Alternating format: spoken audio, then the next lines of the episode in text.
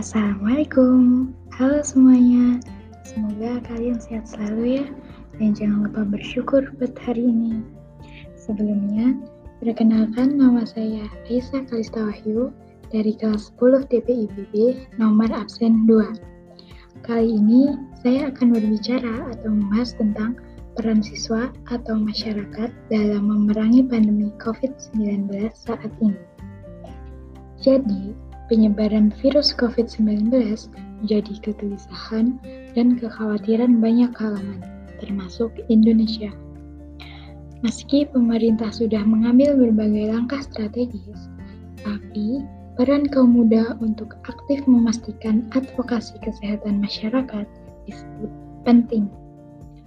Kaum muda menjadi kelompok masyarakat sipil yang memiliki jangkauan luas dan sumber daya potensial untuk mendorong kebijakan yang efektif dalam memastikan pencegahan dan pengendalian COVID-19 di berbagai daerah di Indonesia.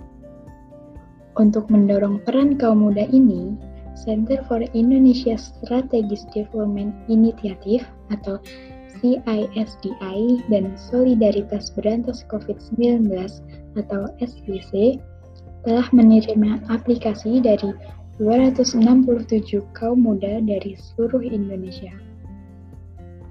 Kaum muda memiliki kapasitas dan kesempatan untuk menciptakan lingkungan pemungkin atau enabling environment dalam situasi apa pun, termasuk dalam situasi darurat kesehatan.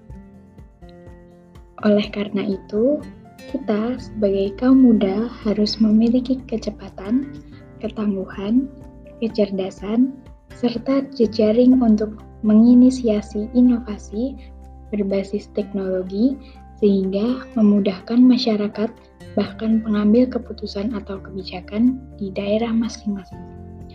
Akhir pesan dari saya, jangan lupa untuk mematuhi protokol kesehatan yaitu 3M memakai masker, mencuci tangan pakai sabun pada air yang mengalir, dan menjaga jarak minimal 1,5 meter.